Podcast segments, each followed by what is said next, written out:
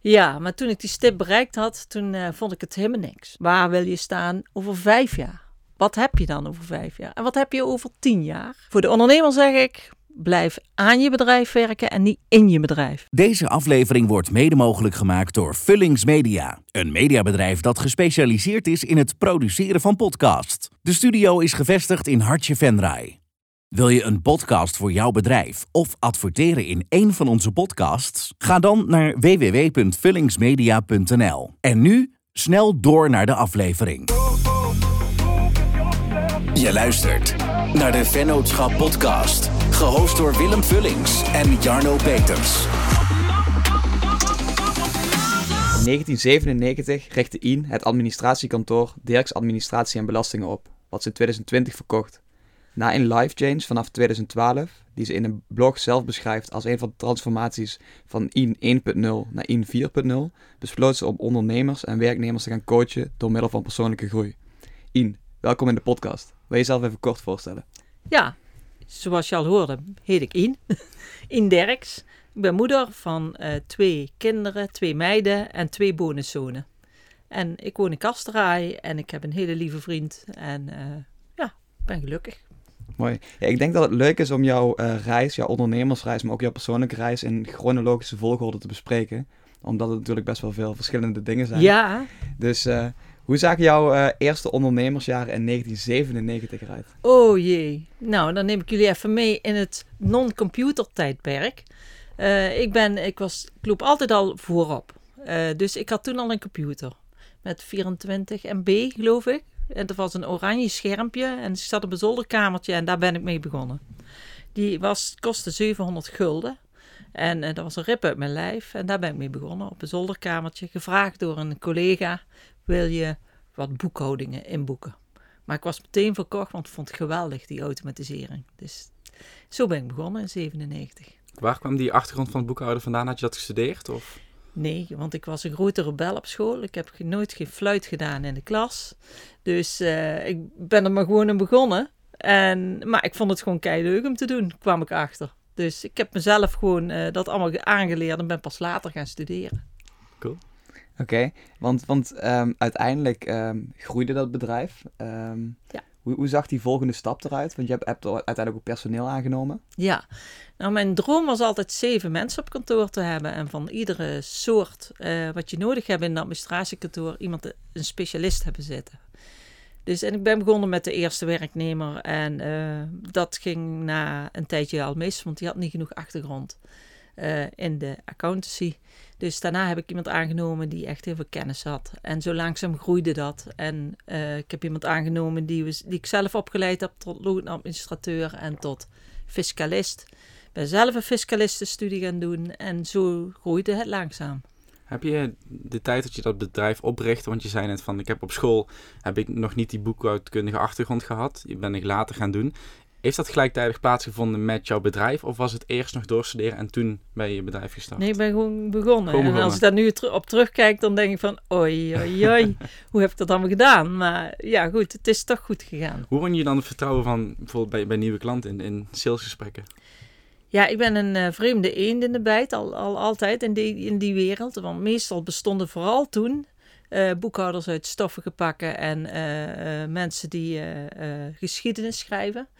En uh, ja, ik verwon het vertrouwen van de klant daardoor. Want die zaten niet meer te wachten op uh, de jaarrekening van uh, 1994, die ze dan in 96 of in 97 voor het eerst zagen.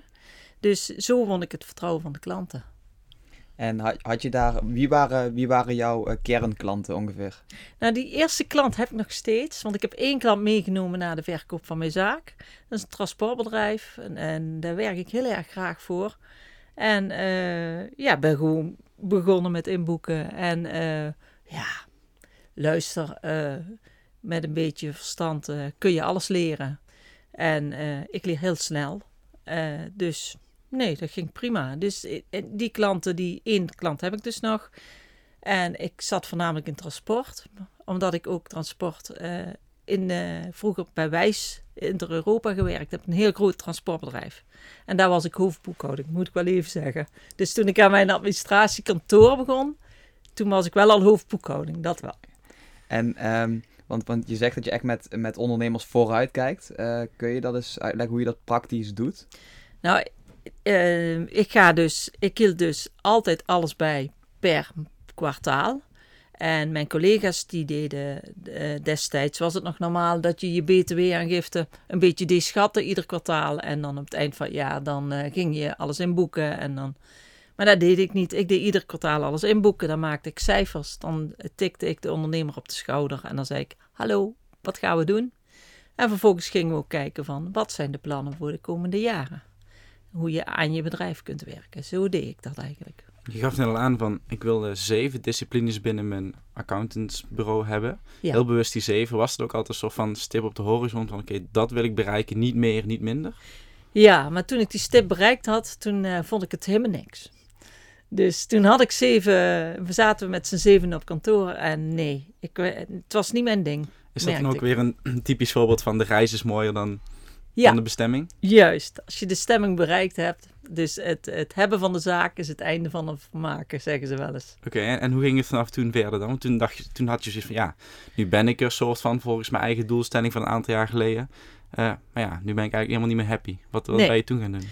Nou, toen was ik niet meer happy. Toen ben ik gaan kijken waarom ben ik niet meer happy. Dus ben ik inderdaad begonnen met een life change. Ik was eh, veel te dik, et cetera, et cetera. Maar zakelijk gezien was ik ook niet happy. En eh, ik raakte burn-out. Eh, nou, van alles was er aan de hand. Ehm, nou, toen vond ik eigenlijk, merkte ik ook, in deze markt is bijna geen goed personeel meer te krijgen. Ik had heel erg goed personeel, maar ja, die werden weggekocht door andere accountants ook nog. Dat gebeurde ook nog in die tijd. Dus toen dacht ik, weet je wat in? Je verkoopt je zaak maar. Dan eh, kun je gaan doen wat je graag doet en dat is coachen van ondernemers en eh, werknemers. Ja, want, want wij hebben natuurlijk jouw blog gelezen en ehm, ehm, daar zag ik een foto uit 2012. Ja, En ehm, ja, nu zie je eruit als een hele fitte vrouw, maar daar, eh, daar woog je 92 kilo. ja. Kun je ons eens meenemen naar dat moment? Ja, het was een moeilijke tijd. Ik, ik ging steeds maar eten. Eh, ongezond eten, chocola. Eh, bij de Aldi die was blij dat ik binnenkwam, want eh, de hele kaart zat vol met ongezonde producten. Maar ik was me ook niet bewust daarvan. Dat moet ik ook zeggen. En de bewustzijn is in de jaren gegroeid. En vooral toen ik suikerziekte kreeg, toen dacht ik, ja, nu moet ik iets doen. Want anders ga ik bekker over tien jaar niet meer. Klaar. En toen eh, kreeg ik in eerste instantie verkeerde adviezen. Ik moest veel boterhammen eten. Oh. En, eh, nou, dat was, dat was in die tijd ook de wetenschap. En toen kwam ik erachter achter dat boter- boterhammen helemaal niet zo goed zijn en alles. Dus ik eet helemaal geen boterhammen meer, geen pasta meer, niks meer eh, van die spullen. En toen ging ik ook heel fijn eh, afvallen. Eh, ik ben gaan scheiden in die tijd. Eh, ik had een, eh, een man die altijd heel depressief was. En die heb ik geprobeerd eh, weer eh, een beetje gelukkig te maken. Maar dat is niet eh, gelukt. En nu zijn we veel gelukkiger, door, nu we uit elkaar zijn. Mhm. En hebben we nog wekelijks bijna contact. En die zat ook in de zaak. Dus die moest ook uit de zaak. Dus ja, doordat al die stress van me afviel, werd ik ook gezonder. En doordat ik NLP ging volgen en coaching en ik ben gaan hardlopen, dan word je vanzelf gezonder, hè? Ik vind het interessant, want nu zijn... Jij gaat net bijvoorbeeld aan van, ja, je moest heel veel boterhammen gaan eten volgens een bepaald advies. En ja, de, de, de, de wetenschap van nu zegt gewoon dat dat totaal niet de oplossing is. Ehm, hoe ben je uiteindelijk wel achter de juiste adviezen gekomen? Ja, het komt op je pad, hè. Toeval bestaat niet. Ik heb een boek ontdekt van Harriet Verkoelen. En Harriet Verkoelen die gaat helemaal eh, over dat voedingspatroon van zonder koolhydraten. Mhm. Of zonder kan niet. Dat merk ik ook. Is heel erg lastig. Maar eh, zo weinig mogelijk koolhydraten. Dus ik eet, probeer de, door de week 30 gram koolhydraten maximaal per dag te eten. Dus ja, dan kun je geen boterham eten. Dat is enorm weinig. Ja. Ja, dus ik eet in plaats van boterhammen eet ik een gebakken ei met spek. Nou, dat vind ik helemaal niet erg. En in plaats van s'morgens eh, ook weer die boterhammen, eet je gewoon Griekse yoghurt met verse noten. En nou, ik vind het helemaal niet erg om dit dieet te volgen. Het gaat prima. Gek genoeg is het dan, ga je vaak ook veel lekkerder eten, hè? Ja, veel lekkerder en gezonder. Ja. En eh, ja, alleen de run op goede groenten, dat vind ik nog steeds lastig. Eh, dat je de goede groenten vindt. En iedereen roept ook van smoothies moet je eten. Maar ja, in smoothies zit ook heel veel suiker. Dus je mag alleen maar de groentesmoothies. En je mag ook geen fruit meer. Uh, dus ja, hele andere zienswijze. Best wel een strikt, uh, Ja. strikt dieet. Heb je, ja, het komt over alsof je daar best wel makkelijk mee kunt omgaan. maar ik kan me hoor. voorstellen dat het echt niet zo is in de praktijk. Nee, want ik lust ook heel graag wijn. En eh, heel graag een speciaal biertje. De, maar je moet het doseren. Net als gisteren had ik een verjaardag. Nou, dan eet ik geen toetje. Mhm. Ik eet sowieso geen toetjes meer met suiker erin. Maar gewoon kokosjoghurt of zo. Maar dan mag ik s'avonds van mezelf wel een brownie. Ja. Dus zo probeer ik door het leven te laveren. En, en hoe heb je dat aangepakt toen, eh, toen je nog op dat 92 kilo punt zat? Heb je toen heel, heel, helemaal omgegooid, heel strikt? Of heb je toen eigenlijk zoals je nu leeft gewoon dat, dat soort van compenseren, ehm, een beetje de 80-20 regel toegepast? Nou, ik ben eerst heel strikt begonnen. Toen viel, viel ik eh, in eerste instantie 35 kilo af. Dat was een dieet van Cure for Life. Maar dat dieet is niet te doen. Nee. Want dat is zo'n dieet waar je helemaal niks meer mag. En ja, dat werkt gewoon niet. Dus toen kwam ik binnen no time weer een hoop aan. En toen ben ik langzamerhand eerst 10 kilo. Toen weer 10 kilo. En toen weer 5 kilo. En nu ben ik iedere keer aan het proberen om onder de 70 kilo te blijven. En ja, dat is al een hele, heel gedoe om dat vol te houden. Ja, je hoort dat overal. Hè. Eigenlijk moet je ook niet diëten. Nee, Je moet gewoon een bepaalde levensstijl aanleren en aanmeten waar jij je helemaal in kunt vinden. Ja. Waarbij je wel af en toe wat mag, maar het wel gewoon eh, ja, binnen de beperking kunt houden. ja, Anders ben je jezelf alleen maar aan het straffen. Ja. We zijn er net heel snel doorheen gefietst. Maar misschien is het wel leuk om, want het zijn vier versies eigenlijk, hè? ja, Om die allemaal even los te belichten. ja. Dus in 2012 eh, begon je dus inderdaad met versie 1.0. Ja, zullen we per versie een soort van omschrijving doen hoe dat eruit zag? Poeh. 1.0. Ja, 1.0 was... eh, toen wilde ik wat gezonder worden. Maar eh, ik had nog geen idee hoe. En eh, hoe ik dat moest aanpakken. Eh, ja. Ik weet niet wanneer ben ik nou NLP gaan volgen. Ehm, ja, ik bedoel eigenlijk meer van ehm, bij versie 1.0 bijvoorbeeld had je, ehm, je had eigenlijk best wel al een groot succesvol bedrijf ja, met, met personeel. Ja. Alleen toen ging je je focus denk ik verleggen of zo op meer persoonlijke groei en gezondheid. En ehm, ja, ik ben een beetje benieuwd, ik ben benieuwd naar die balans zeg maar. Snap je wat ik bedoel? ja, eh, je bedoelt eh, wat ik heb gedaan om meer persoonlijk te kunnen groeien. Ja. et cetera. Ja. Ja. ik heb een eh, coachingsbedrijf ontmoet, Wendy Duivenstein. En die, die was ook klant bij mij. En die zei, je moet wat doen. Dus ik ben met haar een coachingstraject aangegaan. Ik heb ervan geleerd. En van Bart Lemme van eh Klaas Molenbeek. Die eh, was mijn eh, financial coach. Nou, daar zijn we samen het bedrijf onder de loep gaan nemen en gaan kijken om alles smart te maken. Te kijken van hoe we dat best kunnen aanpakken. En ik ben zelf NLP gaan volgen bij eh Drijf Veerkracht en Wel. Daar heb ik ook heel veel aan gehad.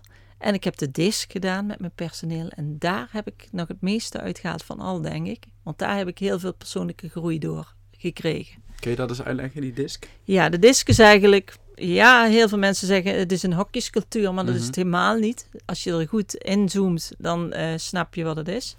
Eh, je hebt vier kleuren, rood, groen, geel en blauw.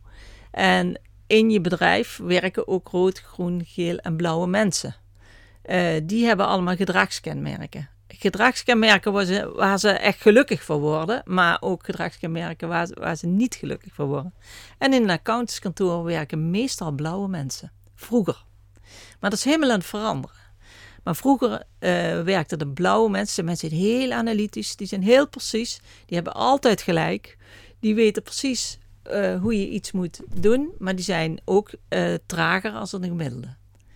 Groene mensen zijn mensen uit de zorg, die willen altijd zorgen, die hebben heel veel woorden nodig om dingen te regelen, die vergaderen enge ellenlang. Die zijn hele fijne mensen om sociale dingen mee te doen. Dan heb je gele mensen. Ik ben ook geel. En meestal zijn mensen zoals jullie ook geel in kleur. Dat zijn mensen die hebben inspiratie, die hebben eh, energie, die eh, hebben ideeën, zijn heel creatief, kunnen heel veel dingen doen. En dan heb je de, de rode, dat zijn de managers, die weten alles goed te regelen, die weten te hakken, die weten alles goed in banen te leiden. Nou, ik liet dus die coach bij mij komen en die heeft ons gescreend allemaal.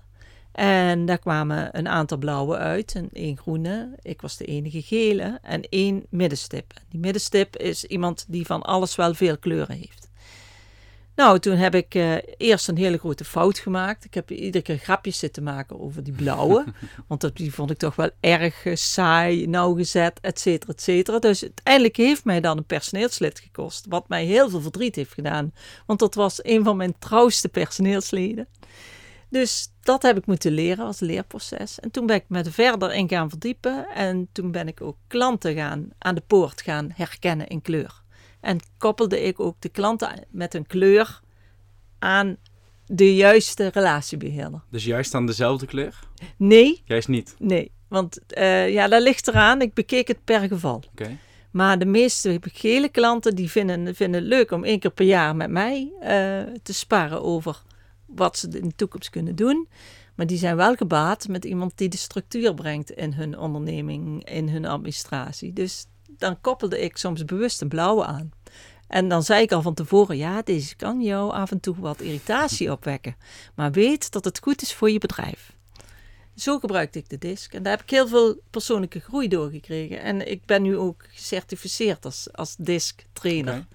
En drijfveren. Dus drijfveren heb ik ook uh, dat is ook belangrijk. Hoe, hoe heeft het herkennen dat jij een, een geel type bent, hoe heeft jou dat zelf geholpen in het herkennen van je sterktes en je, je zwaktes of je uitdagingen? Ja, enorm. Want vanaf die tijd wist ik, oh, je moet mij geen klusjes laten doen zoals dat nauwgezet en analytische uh, dingen. Ik ben iemand, ik moet de cijfers voor me krijgen en ik kan heel snel schakelen, heel snel zien. Ook door cijfers heen kijken. Dat kan ik goed. Dat is mijn gele eigenschap. Dat is die creativiteit van out of the box kunnen denken met die klant. Maar je moet mij niet uh, saai de hele dag in een hoek zetten en een jaarrekening laten maken, want dat is echt niet mijn ding. Dus dat heb ik toen ook heel duidelijk gescheiden van, uh, van mijn werk. Ik deed de, het dossier pas als, als alles klaar was. En dan legde dan mijn eigen saus eroverheen. En die klant uh, vond dat meestal wel heel paard dat ik een andere soort boekhouder was als wat ze altijd gewend waren. Ja, het, hele disc is echt mega interessant. We hebben het ooit een keer op school gehad tijdens mijn opleiding. Ja. En toen wist ik nog, toen, toen ging het zo, we stonden gewoon in de klas en uh, op basis van vragen moest je in een bepaalde hoek gaan staan. Dus eigenlijk weer die, Ja. een beetje die hokjescultuur. Alleen in het begin denk ik dan van ja, weer zo'n eh, weer zo'n dom iets, weet je wel, weer een raar spelletje. Alleen op een gegeven moment ga je dus daar bewust over nadenken. Ten eerste bij jezelf. Dan denk je, hé, hey, dit, dit klopt eigenlijk wel, die, die, die stereotypering. Ja. Maar daarna ga je dus, je gaat in groepjes projecten doen en dan wordt er dus bewust worden alle rollen in een groepje gestopt. En dan merk je wel van ja, ik heb jarenlang in groepjes gewerkt waar het kon botsen bijvoorbeeld, dat je heel veel dezelfde types had. En nu is het gewoon van alles wat en dat kan ook botsen. Alleen het, het, je gaat veel sneller naar een bepaald goed eindresultaat toe. Ja. En ja, ik heb er wel echt goede ervaringen mee met die hele disc. eh. Ik heb het onlangs gedaan met eh, ons broodfonds, een broodfonds van ondernemers.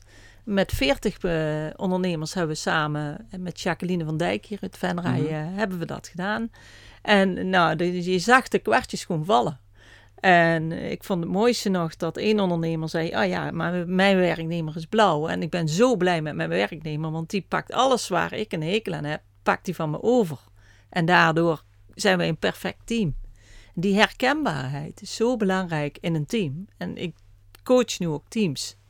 Dus eh, als je bijvoorbeeld in een, noem maar iets, een installatiebedrijf, daar zitten doorgaans heel vaak blauwe mensen. Eh, maar als je dan uitlegt hoe dat dan bij een gele gaat, of met een rode gaat en een groene, dan krijg je veel meer begrip ook voor die blauwe mensen. Eh, en dan krijg je inderdaad een veel beter resultaat op het eind. En daar gaat het toch uiteindelijk over. Hè?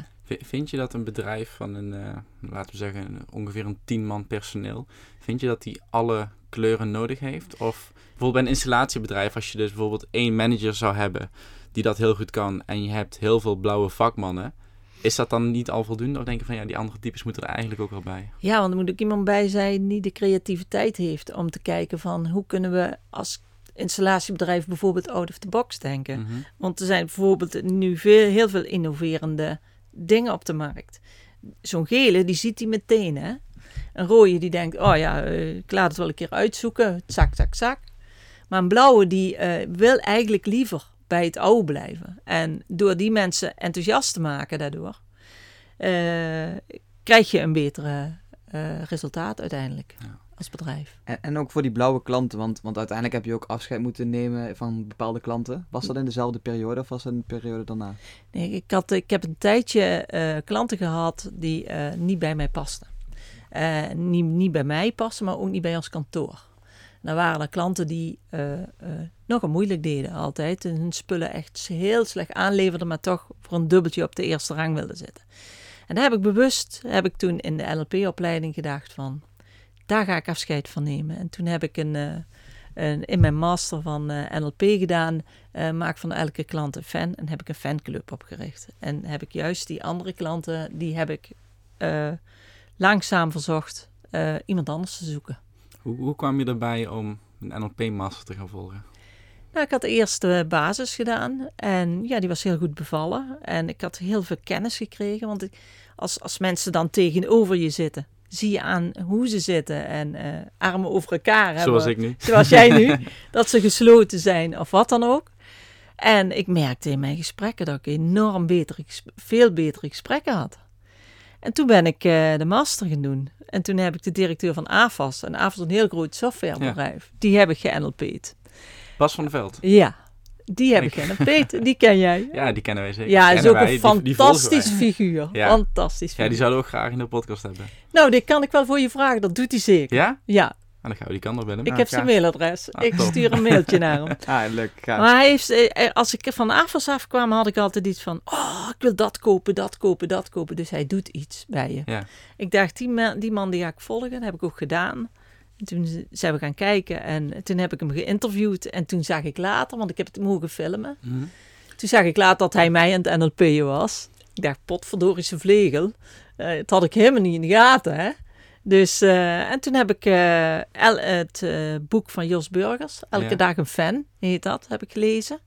En dat ben ik gaan integreren in het bedrijf. En dan heb ik een fanclub gemaakt en die kregen dan extra advies ieder jaar van mij, gratis. Maar ja, die brachten mij heel veel klanten. Want ik had één klant, die heeft mij geloof ik iets van 16 klanten gebracht.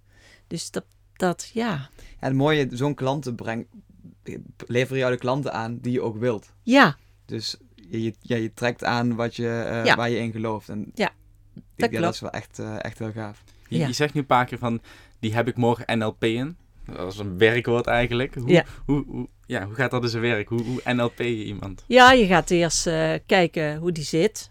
En dan ga je kijken uh, hoe die kijkt. En probeer te achterhalen hoe die, uh, wat zijn auditief digitaal is. Of, of, of die via de oren, via de neus Mhm. zijn zintuigen gebruikt. En ehm, je gaat dezelfde houding aannemen. Dus als je dat doet, dan krijg je meer rapport, heet dat. En als je rapport hebt, dan krijg je hele goede gesprekken, want dan heeft die klant voelt zich op zijn gemak. Dat is NLP. Maar eigenlijk is NLP een soort kopiëren ook van gedrag van anderen. Uh, alleen moet je oppassen dat je niet uh, je authenticiteit uh, verliest. Want dat is voor mij het grootste goed. Je moet blijven zoals je bent. Want, want na, kijk, dat, dat na, of het dezelfde houding aannemen als je gesprekspartner, dat, dat herken ik vanuit uh, het rapport bouwen. Maar wat kun je dan nog meer doen om dat rapport zeg maar, te versterken? Ja, dingen herhalen die die klant uh, zegt. Dezelfde woorden gebruiken. Ik had zelfs nieuwsbrieven die ik schreef uh, op basis van die vier soorten zintuigen waar, waar klanten mee uh, hun, hun hoe zeggen dat, waar klanten wat in hun natuur zat, mm -hmm. gebruikte ik die woorden om beter rapport te krijgen al in, in nieuwsbrieven. Hoe herken je dat bij iemand? Hoe, hoe bedoel je? Nou kijk, we hadden het net over die, over die zintuigen, zeg maar, welke het meest dominant is. Uh, Ja. hoe, je, hoe je stof opneemt, tot je neemt. Hoe herken je bijvoorbeeld bij mij van of ik nou auditief ben of, of meer lezen of meer video? Ja, ik ga vragen stellen. En op een gegeven moment, uh, bijvoorbeeld beelddenkers, die praten altijd van ik zag dit en ik zag dat. ja. en, en voeldenkers, die zeggen ja, en ik, uh, ik, ik, ik zat daar en het voelde niet goed. Nou, dan weet je al, dat zijn mensen die, die gaan vanuit hun kinesthetische uh, Mhm. achtergrond, luisteren die. En, En- auditief is dan meer van ik heb dit gehoord, ik heb dat gehoord. Ja, ja, oké. ja, ja. ja. Of ik, ik vind het heel frappant dat sommige mensen, ik rook dit. En dan denk je, oh, dat is iemand die heel veel ruikt. Dus, en, en ik hoorde dit. Ja, daar kun je dan op, eh, op inhaken. Ja. Ik had toen ook eh, zo'n ding op mijn bureau staan. Dat gaat dan over coaching van eh eh smeer geen Nivea. Laat oma thuis. Dat zijn allemaal zo'n dingen die je gebruikt in coaching. En ik had die bewust op mijn bureau gezet. Want ik praat nogal veel. Dus ik moest voor mezelf zorgen dat ik die regels ook in acht nam tijdens gesprekken. Ik wil even wat, uh, wat, wat dieper in gaan op, uh, op keuzes maken. Waarom je hebt, in, denk ik, in de afgelopen paar jaar heb je veel heel belangrijke keuzes gemaakt. Ja. En um, ja, wij zijn er op dit moment heel erg mee bezig van oké, okay, waar zeg ik ja tegen, waar zeg ik nee tegen. Maar um, wat grijp je dan ook volle bak vast en wat ja, stoot je ook volle bak af. Kun je ons daar eens uh, in meenemen hoe je dat hebt gedaan? Um, nou, de laatste jaren heb ik heel veel gebruik gemaakt van Pilarczyk methode. Dus ik heb uh, gewoon een aantal punten voor mijzelf die belangrijk zijn. Daar geef ik mezelf rapportcijfers voor, zakelijk en privé. En die ga ik in de zogenaamde genius dagen, noem ik ze. Ik weet niet hoe ze heten, maar genius, zo schrijf je het, genius dagen. Uh, ga ik met mezelf aan de slag. Dan ga ik zitten in mijn eentje boven op een kamer. En dan ga ik mezelf punten geven. En dan kijk ik terug wat ik vorig jaar van punten heb gegeven.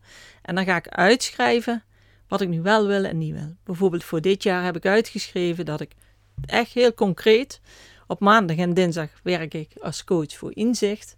En op donderdag en vrijdag werk ik als coach voor zelfwerkt. En op woensdag heb ik mijn balansdag. Dan heb ik vrij, dan doe ik ook niks. En dan zo probeer ik mezelf uh, uh, een bepaalde structuur op te leggen. En je gaf net ook al voor de podcast kort aan hoe je dat aanpakt. Dus je hebt dan op zakelijk en privégebied een aantal uh, gebieden waarop je jezelf een rapportcijfer geeft, één keer per jaar. En je kijkt dan ook terug van oké, okay, hoe was dat vorig jaar? Um, op basis daarvan ga je doelen stellen, klopt dat? Ja. Hoe ga je dan ook bewust van oké, okay, de, de, de slechtere cijfers, daarop ga je dan de doelen inrichten? Of pak je ze dan ook op de, de achters en de negens? Ja, bij mij kan een acht ook een negen moeten worden, ja. Dat ligt eraan. Kijk, um, kijk uh, Pilatsik gaat alleen voor tien, hè. Mm -hmm. uh, ik, ik, ben een grote bewonderaar van hem. Maar voor mij is een acht goed. Uh, maar als ik een 8 krijg zakelijk, uh, als bijvoorbeeld klanttevredenheid zijn, dan zou het voor mij niet goed zijn. Dan zou dat een 10 moeten zijn. Ja. Dat ligt eraan wat je doet. Als ik een klanttevredenheid onderzoek doe, dan wil ik wel een, liefst boven een 9 halen in ieder geval. Dus dan ga ik een doel stellen van, nou als dat dan niet zo is, dan ga ik een doel stellen van hoe kan ik dat verbeteren. En hoe pak je dat aan, dus om tot dat concrete doel te komen? Dan ga ik kijken van uh, wat gaat er dan niet goed, wat gaat er wel goed en mij concentreren op wat er wel goed gaat en dat wat er niet goed gaat. Dan ga ik misschien wel die klanten afstoten of iets anders mee doen, op een andere manier aanpakken. Maar ga ik wel uh, een doel voor stellen dan. En is een doel dan, want ik kan me voorstellen dat het een jaardoel is, maar maak je dat dan ook kleiner naar bijvoorbeeld kwartaal of maanddoelen? Ja, ik begin eerst voor drie maanden. Doe, mm. Zo, ga ik zo doe ik het ook met klanten. Hè? Dus ik, we stellen eerst een doel voor de komende drie maanden. We maken het smart als het ware. Mm -hmm. De komende drie maanden gaan we dit, dit, dit en dit doen. Om bijvoorbeeld uh, financiële inzicht te krijgen. Of om bijvoorbeeld uh, beter uh, in de automatisering te worden. Want dat kom je ook tegen bij ondernemers. Hè? En dan ga ik kijken van, nou, dan gaan we tussen nu en een jaar, wat is dan het doel? Waar wil je staan in november 2022? En dan gaan we kijken van, waar wil je staan over vijf jaar? Wat heb je dan over vijf jaar? En wat heb je over tien jaar? En zo werken we eigenlijk kort naar die doelen toe. Is het lastig om uh, ondernemers daarin mee te nemen? Nee, ja, oh, dat is zo mooi. Ja, het is echt mooi. Want, vind je niet lastig, sorry, maar vind je het niet lastig om uh, over tien jaar te kijken? Nee, helemaal niet. Waar ben jij over tien jaar, denk je? Wat doe je dan? Zo doe ik dat. Zoals het er nu naar uitziet, ben ik dan nog steeds volle bak bezig met podcast. Al zal, denk ik wel dat de aankomende tien jaar zal het gewoon echt in één grote lijn doorzetten. Misschien is er dan wel al iets nieuws. Maar ben jij dan groot? Heb je personeel? Dat dacht ik eerst wel altijd, maar misschien wel gewoon heel succesvol als ZZP'er. Oké, okay. en werk je samen met andere ZZP'ers? Uh, ja. Maar je bent nog wel bezig met het maken van podcasten, denk je? Ja. Of nieuwe technologieën die dat. Uh... Ja. Dus je bent blij met het werk wat je nu doet. Ja. ja. Maar heb je dan. Kijk, ik zeg ook altijd: kijk eens, wat doe je dan privé dan over tien jaar? Heb je dan een gezin? Of uh, ben je aan het reizen over de wereld? Of wat is je doel? Nee, dan heb ik wel een huis en een gezin. Oké. Okay. Mooi. Nou, wat heb je nodig over tien jaar om dat huis en gezin te kunnen onderhouden en hebben? En Ga je werken volgens wat je nodig hebt? Of ga je werken dat je heel veel overvloed hebt en de eerste miljoen op je bank hebt? En wat wil je? Mijn droom is om miljonair te worden. Maar het belangrijkste is geen geld zorgen. Oké, Dus geld dat- zorgen. Ja. Ja. Nou, dat zie ik bij ondernemers ook. En ik zeg Maar altijd... tien wat- jaar is best wel, ik, ik vind het best wel, ik heb best wel goed voor ogen wat ik volgend jaar wil en over drie jaar wil. Ja, Alleen ik vind het wel echt, omdat we, omdat ik persoonlijk nu met iets best innovatiefs bezig ben, Ja. is het heel lastig om te zeggen van oké, bestaat dat tien jaar? Want je bent al nu pas klanten aan het overtuigen om hier nu in te stappen. ja.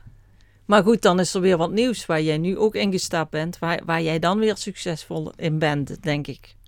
Wat interessant is, wat ik nu zie gebeuren, is... Want nu, nu worden de vragen er ingesteld aan jou. Dus ze, blijft, ze gaat dit doorvragen. En dat maakt eigenlijk voor jezelf steeds makkelijker om een bepaalde richting te kiezen in je antwoorden. Alleen, eh, wat Michael Pilarczyk ook heel vaak in zijn boeken zegt, van stel jezelf goede vragen. Maar dat is lastig, om Ja. het aan jezelf te stellen. Ja. Want als iemand tegenover je zegt, zit, die hakt gewoon door, weet je wel. Dus die, die stelt je een vraag en die gaat daarop door en die gaat daar weer op door. En uiteindelijk kom je tot een bepaalde kern. Ja, En als het goed is, klopt die. Want als je eerlijk antwoord geeft, klopt die. Maar als je zelf gaat zitten, en daar ben ik ook benieuwd wie dat dan doet op die Genius dagen. Je gaat zelf zitten, je hebt een, bijvoorbeeld een lijstje met vragen die ik Ja. elk jaar herhaalt. Ja, hoe weet je op een gegeven moment of, of, of de uitkomst daarvan ook, ook klopt? Want je bent alleen maar jezelf gek aan het maken eigenlijk. nee, helemaal niet. Je bent jezelf rustig aan het maken. Zo voel ik het.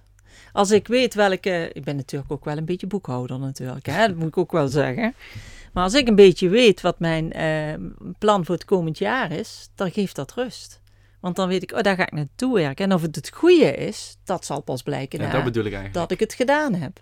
Ja, En ja. natuurlijk, ik heb ook bloepers gemaakt. Ik heb ook eh, ge- eh, ge- eh, een hoop geld en, en uren gestoken in automatiseringsoplossingen die echt niks waren.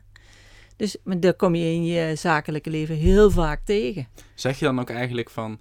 eh, dus je hebt die antwoorden een beetje doorgenomen van jezelf. Je hebt jezelf de goede vragen gesteld. Maar of het het juiste is, dat weet je eigenlijk pas als je het gedaan hebt. Ja, en, maar dat doe je dan toch ook. Je kijkt terug. Hè? Je Mhm. kijkt een jaar terug, maar je vijf jaar terug, tien jaar terug.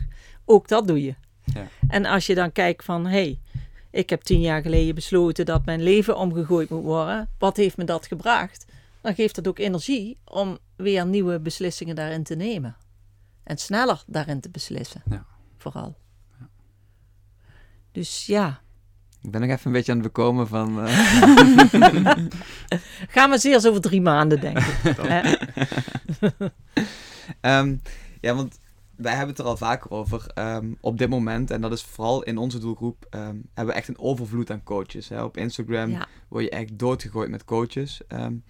Hoe onderscheid jij je als coach? En vind jij zelf dat je echt een track record eh, moet opgebouwd hebben voordat je dus ook andere mensen mag gaan coachen? Eh, ik heb natuurlijk, toen ik begon met mijn administratiekantoor, deed ik natuurlijk ook al coachen, hè? maar dat was onbewust. Eh, maar ik heb eh, afgelopen jaar een HBO-opleiding nog gedaan, daarvoor. En toen kwam ik tot de conclusie, ik was wel coach, maar de tools die ik daarvoor kon gebruiken, die kende ik niet. Dus ik heb ontzettend veel geleerd daarin. En ik heb heel veel tools leren kennen, hoe je mensen tot beter gesprekken kunt eh, krijgen, maar ook hoe je heel lang kunt zwijgen. Was, dat is voor mij het eh, moeilijkste. Het zwijgen. Het, het, de klant laten vertellen hoe zijn reis is. Ik heb ook heel veel geleerd over eh, met oefenen. Ik heb heel veel mensen, eh, klanten van mij, gevraagd: wil je gratis door mij gecoacht worden? Want ik wil oefenen. Daar heb ik ook heel veel ervaring in opgedaan. En ja, ik ga nu weer die opleiding voor de DISC. Daar heb ik over twee weken weer twee dagen cursus over. En zo probeer ik mijn eh, eh, bedrijf eh, en mijn coaching beter te krijgen.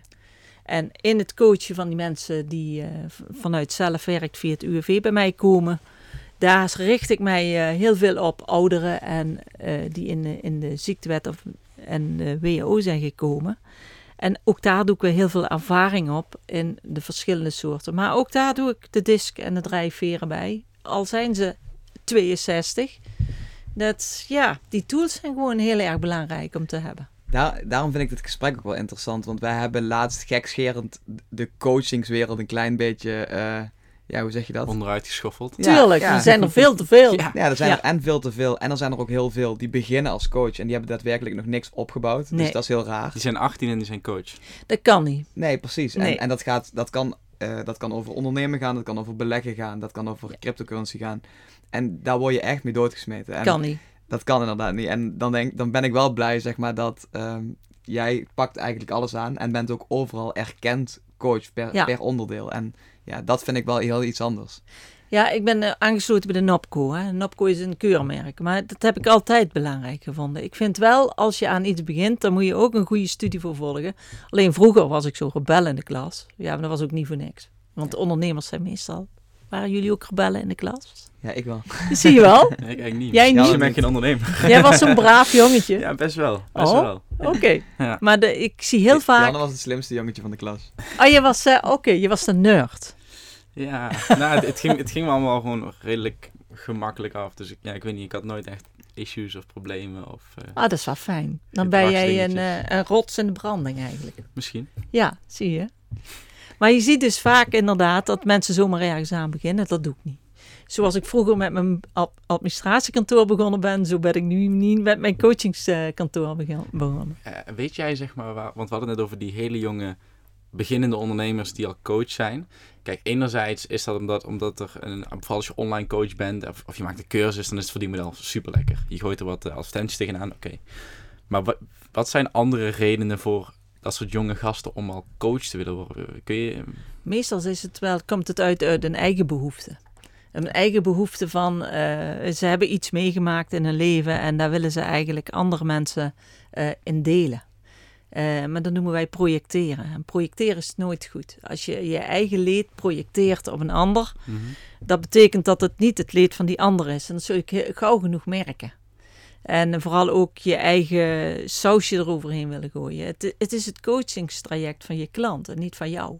Want in de marketingstrategie en in de ads wordt vaak dat leed, wordt bijna gewoon degene die die ad ziet aangepraat. Dus ik heb dit en dit meegemaakt, ik ben nu coach en ik ga nu mijn verhaal zo op jou projecteren, mooi woord wat je gebruikt, zodat jij ook voelt dat jij dat ook mee hebt gemaakt, Ja. terwijl het helemaal niet zo is. Nee, want jij kunt hele andere issues hebben. Ja, want hun, wat hun echt letterlijk doen is hun shit verkopen. En Ja, te koop lopen met eh, de rugzak die hun hebben. En Ja. dat is natuurlijk, eigenlijk slaat dat helemaal nergens op. nee, want je moet juist dat afschakelen. Ik heb zelf ook mijn issues gehad, zou ik maar zeggen. En ik heb zelf ook moeten ervaren met coaching dat je dat moet uitschakelen. Dus ik denk altijd een soort muur om me heen. Dat ik denk van, dat moet niet bij die klant komen. Maar van de andere kant ik vind ik het wel weer sterk als een coach. Stel je hebt een coach in een bepaald uh, volt voor gezondheid. En, eh, je- Ja. je, wil, je wil helemaal je wil een sixpack hebben. Dan wil je wel een coach die ook een sixpack heeft.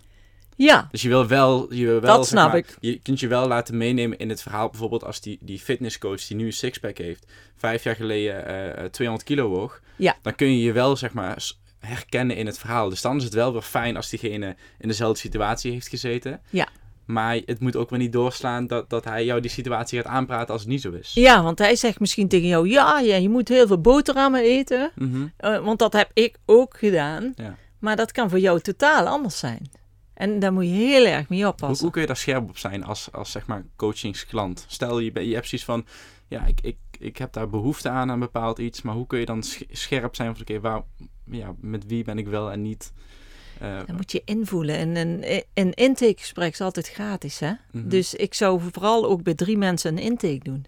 En dat ook eh, tegen die coach zeggen van ik ga het bij drie mensen een intake doen. En degene die het beste voelt, je onderbuik, Ja. is vaak ook de beste. Maar ook even kritisch zijn als diegene te veel over zichzelf praat, Mhm. dan weet je eigenlijk ook al genoeg. Dan is hij zichzelf aan het coachen en niet jou. Ja. En daar moet je heel erg mee oppassen. En ook ik heb dat moeten leren, want ik, ik praat ook veel te vaak. eh, als, ik, als ik iemand tegenover me heb die aan het scheiden is, dat heb ik al een aantal keren gehad.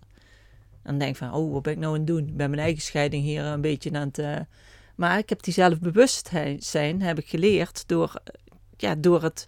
eh, ik doe, doe iedere keer eh, van een opkomen moet je per jaar ook jezelf eh, beoordelen. Mhm. Dus dan ga je kijken van hoe ging dat coachingstraject. En dan moet je uitschrijven wat je gedaan hebt. Maar je moet ook uitschrijven wat er misging. En als je daarover gaat nadenken, na een coachingsgesprek en je schrijft het meteen op, dan weet je ook de volgende keer dat je die valkuil hebt. Vaak is het heel goed bedoeld, hè? Dat, dat Ja. iemand dan de eigen situatie gaat uitleggen en daar best wel open over is. Maar ja, de vraag is of dat mensen helpt. Tot een bepaalde hoogte misschien wel, maar niet... eh, Nee, is heel, heel vaak niet helpend. Juist averechts werkt het dan, want dan kan die, die klant denken, oh, eh, oh, dat moet ik dus zo doen. Terwijl dat misschien helemaal de weg van die klant niet is. Vaak zeggen ze ook dat een goede coach vooral goede vragen stelt en eigenlijk nauwelijks advies geeft. Ja, dat is dat moeilijk voor mij. Ja, Dat is ook mijn, eh, eh, mijn, ook aan de andere kant ook mijn unieke selling point.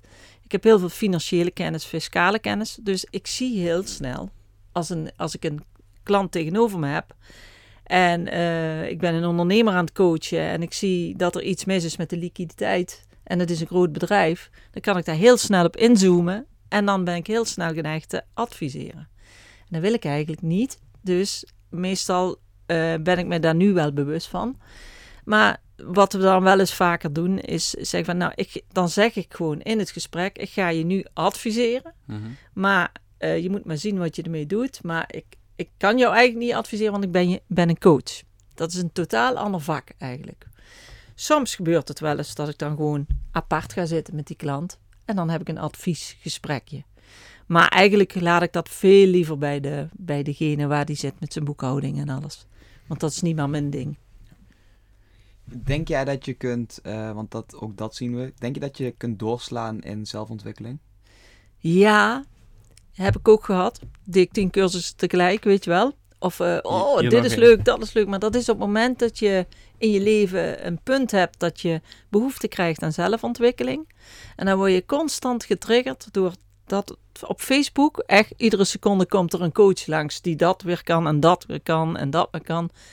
Nou, daar moet je je voor afsluiten. Je moet je focussen op één ding. Ja, dat, dat past nu echt, dat past denk ik ook goed bij het gele profiel en daar kennen wij elkaar, herkennen Ja. wij elkaar in. Hè? Dus wij hebben het er super vaak over. Alles, al het nieuwe is heel interessant. En, en hoe, leer, hoe leer je dat inderdaad, hoe leer je daar nee tegen zeggen en hoe leer je dat goed voor jezelf te managen wat bij je past. Want anders vlieg je echt al, elk nieuw idee aan, Ja. elk nieuw boek, elk nieuwe strategie, elk nieuwe... Ik heb wel twintig half gelezen boeken, jullie. ja, Ja. drie keer zoveel misschien. Ja, Ja, maar het is echt irritant, want in het begin...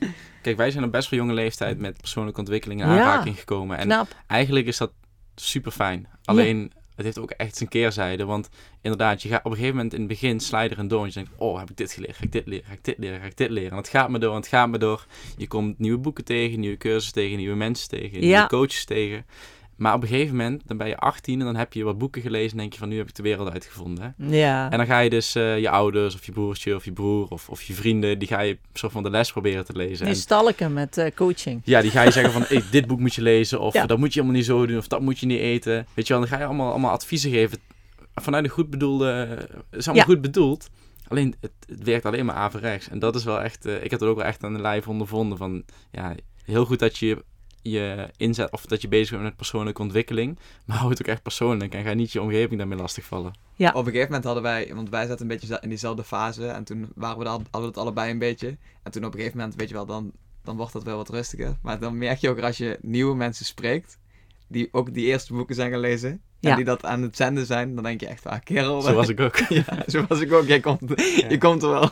Maar toch vind ik het wel mooi als dan ehm, sta je op een verjaardag met vrienden en dan zegt hij opeens van... Hé, hey, dat boek wat ik laatst eh, op jouw Instagram zag of wat dan ook, eh, heb, heb ik nu ook gelezen. En dan heb je daar wel gewoon een superleuk gesprek over. Ja, dat, dat vind ik hele goede gesprekken. En Ja. ik vind het zo mooi dat... eh, ik weet niet hoe oud jullie zijn. dan. 23. Ik ben 24. Oh, jullie zijn net zo oud als mijn dochter. Dus, ja, nou, ik zie het bij mijn dochter dus ook. Die is ook zo enorm aan het groeien, persoonlijk. Die leest ook boeken en, en die, die coachboeken. En die laat zich ook coachen. Niet door mij, want dat kan niet. Je kunt je kind niet coachen. Fantastisch dat dat aan de hand is. Toen ik zo jong was, wist ik dat allemaal niet hoor. Geniet er maar van. Nou ja, Maar- dat is denk ik een beetje de voordeel, maar ook tegelijkertijd het nadeel van het internet en het huidige tijdperk. Ja. Je hebt alles tot je beschikking met één druk op de knop. Maar dat zorgt ook voor inderdaad die overvloed aan informatie. Ja. Wat dingen heel lastig kan maken. Of maak er een trechter van, dat doe ik altijd. Maak voor mezelf een trechter. Ook in die geniusdagen beslis ik wat ik het jaar erop wil, wil leren in persoonlijke groei. Mhm. Nou, ik- volgend jaar ga ik een jobcoachopleiding doen. Er is nu trouwens een opstap eh, van de overheid. Je mag voor 1000 euro mag je volgend jaar gaan studeren. Hè? De overheid betaalt dat. Oké. En de bedrijven die daarop aangesloten zijn, daar kun je dan voor 1000 euro cursus Echt volgen. waar? Ja, Dat is eigenlijk een soort van gratis opleiding. ja, dat eh, komt in plaats van de studieaftrek. Oh, dan ben ik het adviseren. maar in ieder geval, daar kijk ik dan naar. Dan denk ik van, nou, volgend jaar ga ik jobcoachingsopleiding nog doen. Want ik wil graag ook, ik vind het geweldig om met die mensen eh, mee te gaan naar het werk. En hun daar te coachen. Is- Ja, gaaf. We Ja. hadden, we hadden nog één ding hierover, want we hadden het net over eh, nee zeggen tegen dingen, maar we hadden het ook over doelen stellen. Wij hebben afgelopen jaar ook echt wel doelen gesteld, maar dan door alle nieuwe ontwikkelingen, dan weer dit, dan weer dat. Op een gegeven moment ben je twee maanden verder en zeg je van, ja, dat doel, laat ik maar zitten, ik ga weer dit doen. Ja. D- dat vind ik persoonlijk super lastig om dan zeg maar ook vast te houden aan de keuze die je gemaakt hebt. ja. Herken je dat? Ja, zeker. Heb ik ook gehad. En heb ik nog steeds. Van, je stelt een doel, maar tijdens de weg in, in, in dat doel kom je erachter. Dat is toch ook niet echt mijn goede doel. Nee. Maar ja, daar is het voor, hè? doelen stellen. En na drie maanden kun je eens even kijken. Hé, hey, ik heb dat doel nu laten varen. Is dat een goede keuze geweest? Ja, nou, streep je hem door. En dan denk je, nou, dat was een mooi leerproces. Ja. Maar dank je wel, doel, dat ik eh, jou eh, heb mogen lopen. Maar Het is helemaal niet erg om dat nee, te ondervinden. voel je vooral niet negatief daarover. Maar voel het als een leerproces. Hey, we gaan eh, snel door naar de Ja. snelle vragen. Wat Ja. wilde jij vroeger worden?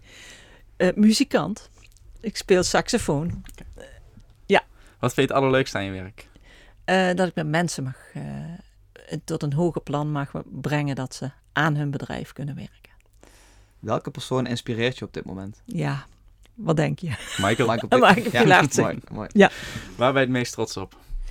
Op mijn gezin. Maar ja, dat moet, dat is natuurlijk zo. Maar dat, dat, dat is ook zo. Maar ook dat ik mijn bedrijf verkocht heb. Ik heb een totale life change gemaakt heb.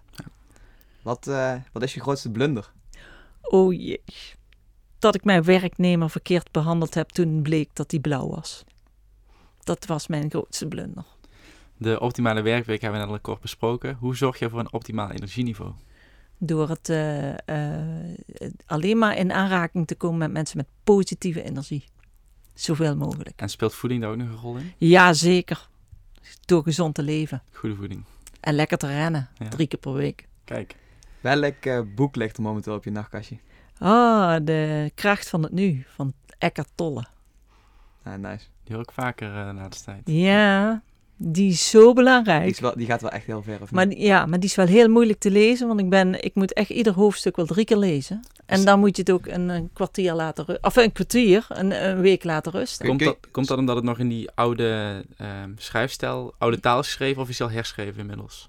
Ja, ik heb een oud boek, want ik heb hem in de kelder gevonden. Kun je, kun je het als een, eh, kun je in, eh, in één zin of in één linia zeggen waar het ongeveer over gaat voor de luisteraar? Eh, zorgen dat je niet over het verleden nadenkt en niet over de toekomst, maar in het nu en geniet van wat je nu hebt. En niet wat je. Je hebt dan geen angsten meer, hè? want toekomst bestaat niet en verleden ook niet. Het is wel echt relevanter dan ooit, hè? Ja, het is echt fantastisch, dat boek. Ja. Heb je een favoriete podcast? Ja, de Psychologen po- podcast. Ik had die van jullie nu moeten noemen, toch? nee, nee, dat Ja. helemaal niet. Psychologen podcast en Pilaartzig gebruik ik dan de eh, Leef je podcast. mooiste leven. Ja, maar ik doe ook eh, mediteren twee keer per dag. Oh. En doe je dat via de app van... Ja. eh, ja. Ja, Ja, mooi. Ik heb hem... eh, ik, ik, misschien ga ik mijn... Ik heb een jaar abonnement gehad en eh, ik heb hem toen stopgezet, want ik Ja. hem weer minder. Want ik deed veel meer Wim Hof oefeningen, zeg maar. oh ja, dat is ook leuk. Ja, en toen dacht ik van, dan ga ik die andere weg doen, want ik ga niet en-en doen. Dus ja, dat vind ik te veel. Maar misschien dat ik hem er weer bij pak, want daar staan ook wel drie luisterboeken in. Dan kan ik Ja. misschien... Ja, die heb ik alle drie geluisterd. En zijn ja. nieuwe boek komt er ook in. Volgens mij dit jaar nog. Dus, eh, ja, maar dat, ja. Ik vind, de- ik vind de, vooral de meditaties. Ik, ik ben een slechte slaper. mhm. Als ik niet kan slapen, dan ga ik met Michael naar bed. En dan, en dan slaap ik zo. Vind je man dat goed? Ja, zeker. Die, die luistert hem ook. Dus eh, Mooi. Hey, eh, Jan en ik eh, leggen je om af te sluiten om de beurt een dilemma voor. Ja. En eh Janne gaat beginnen. Ochtend- of avondmens? ochtend. Winst of groei?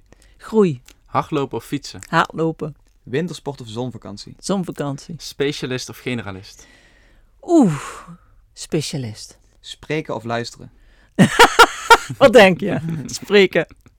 Leider of volger? Leider. Klant of medewerker? Klant. Eh, sorry. Ja, klant. Ja, klant. Is er iets waar je op terug wil komen? Een van de dilemma's? Nee. Ze waren vrij duidelijk, hè? ja, vrij duidelijk. ja. Vind ik altijd leuk, die dilemma's. Mooi. Hey, wat, eh, wat is jouw gouden tip voor de luisteraar?